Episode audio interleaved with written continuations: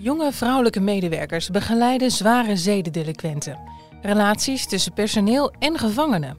Het afkopen van klachten met pakjes check en een reeks aan gewelddadige incidenten. Volgens een groep jeugdige ex-gevangenen is het chaos in de justitiële jeugdinrichting Lelystad. Het is uitzichtloos. Je luistert naar Moet je horen, waarin we bijzondere verhalen van de Stentor aan je voorlezen. Met in deze aflevering criminelen die een boekje open doen over de chaos in de jeugdgevangenis in Lelystad.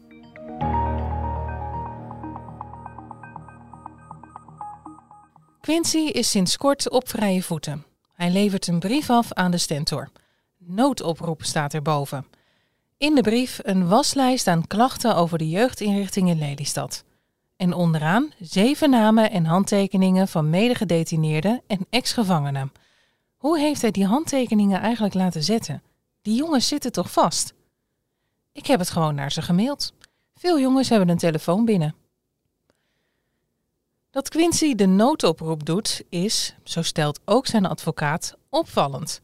De twintiger uit het oosten van het land staat op het punt om definitief klaar te zijn met zijn door de rechter opgelegde maatregel. Hij lijkt er weinig meer mee te kunnen winnen, juist alleen verliezen. Maar ik vind dat ik de kar moet trekken, ook voor die andere jongens. Je wil dat jongeren die in de jeugdgevangenis komen geholpen worden. Dat is ook veiliger voor de maatschappij.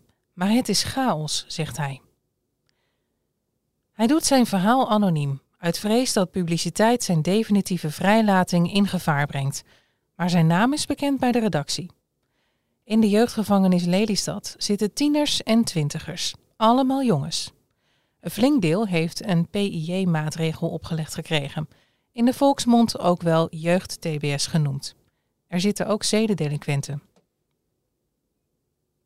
De afgelopen maanden kwam de instelling in Lelystad meerdere keren negatief in het nieuws.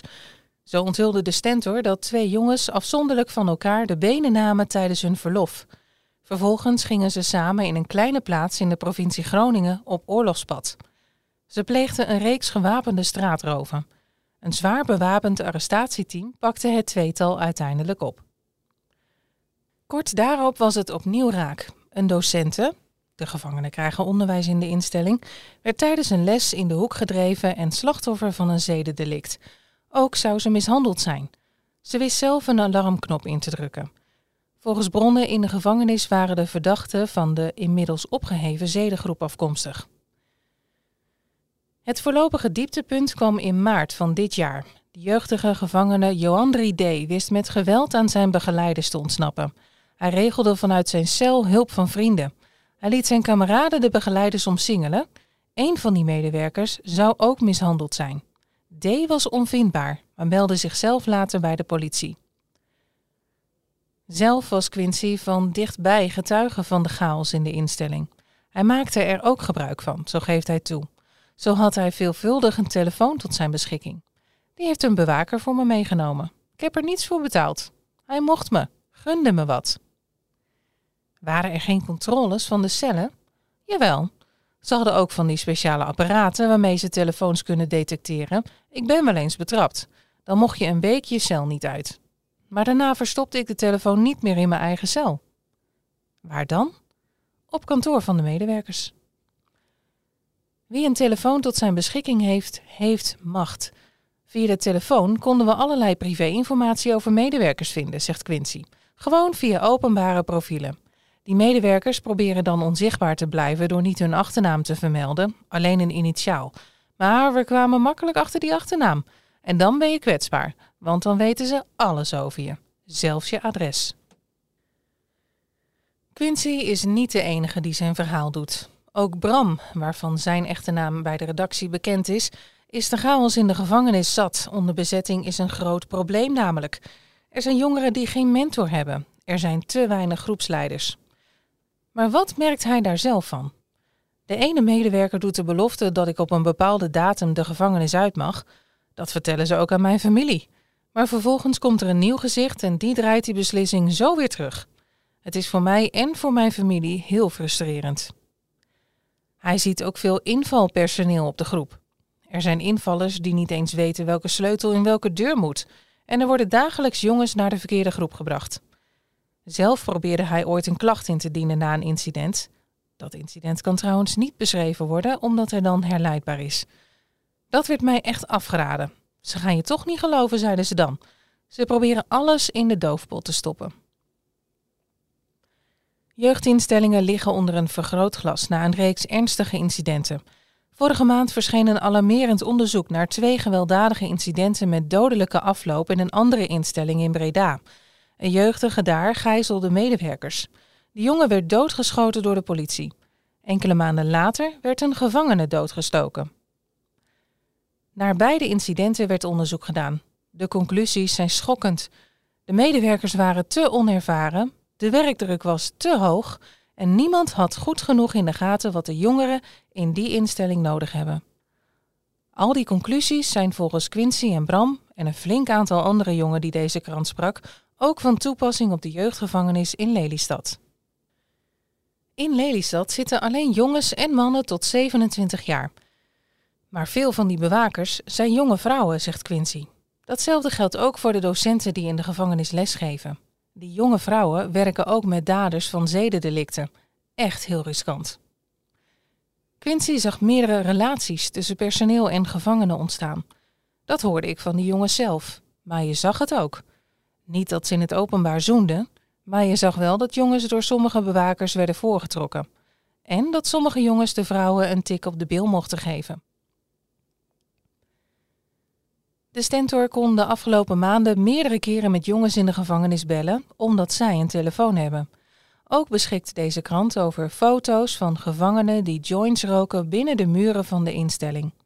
Al die foto's zijn met smartphones gemaakt, zo bevestigt een andere gevangene die anoniem wil blijven. Quincy stelt dat incidenten zoveel mogelijk onder het tapijt worden geveegd. Jongens die een klacht willen indienen worden volgens hem afgekocht, bijvoorbeeld met sigaretten of extra verlof. Of ze dreigen je behandeling lastiger te maken. Via meerdere bronnen in de gevangenis kwamen desondanks incidenten naar buiten. Al in 2016 rapporteerde de kinderombudsman over het afkopen van klachten in jeugdinstellingen. Het grootste bezwaar van de gevangenen is dat zij nauwelijks worden geholpen. Dat komt omdat er steeds ander personeel is.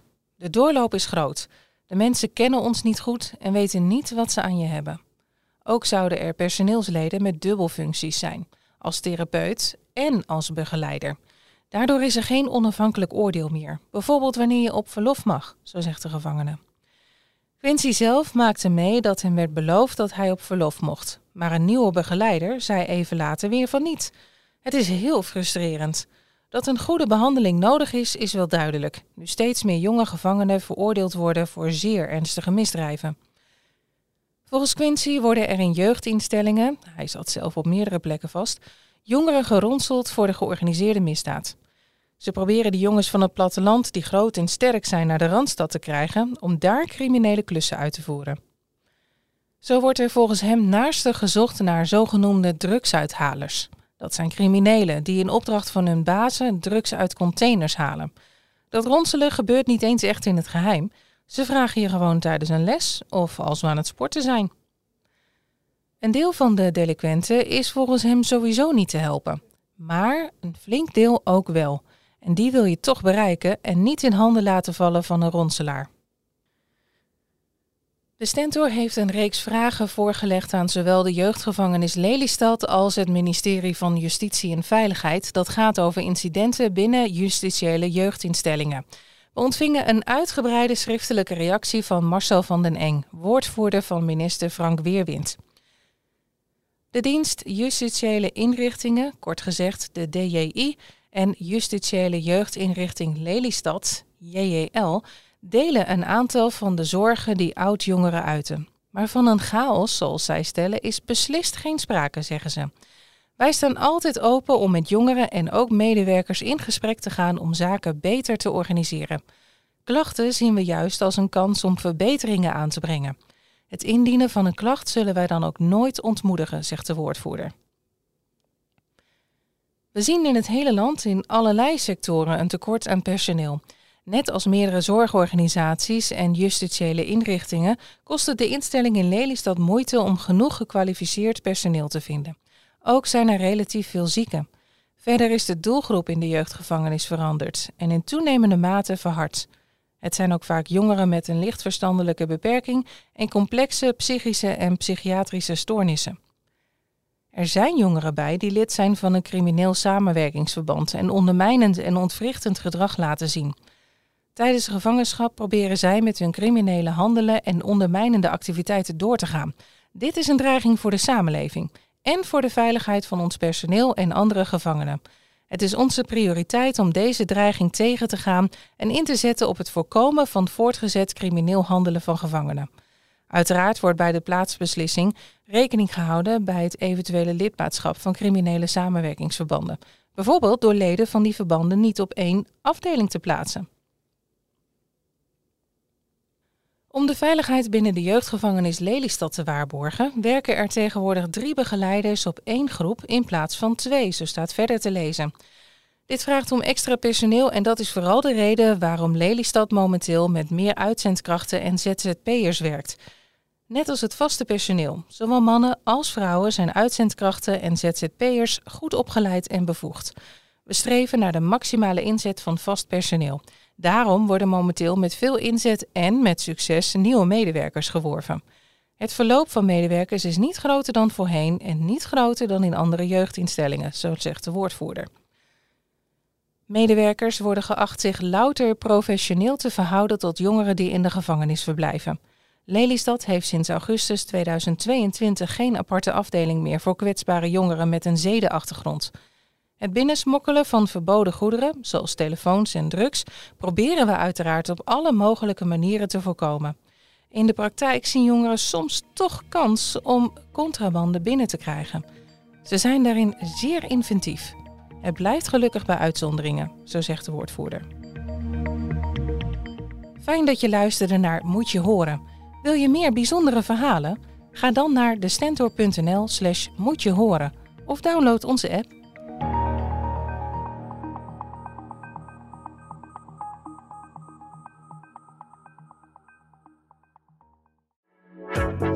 Een goede spreker herken je aan de Q&A aan het eind. Onze lifehack-expert Martijn Aslander geeft je adviezen waar je echt wat aan hebt. Beluister en bekijk Martijn of een van onze andere experts op businesswise.nl. Businesswise, het nieuwe platform voor iedereen met ambitie.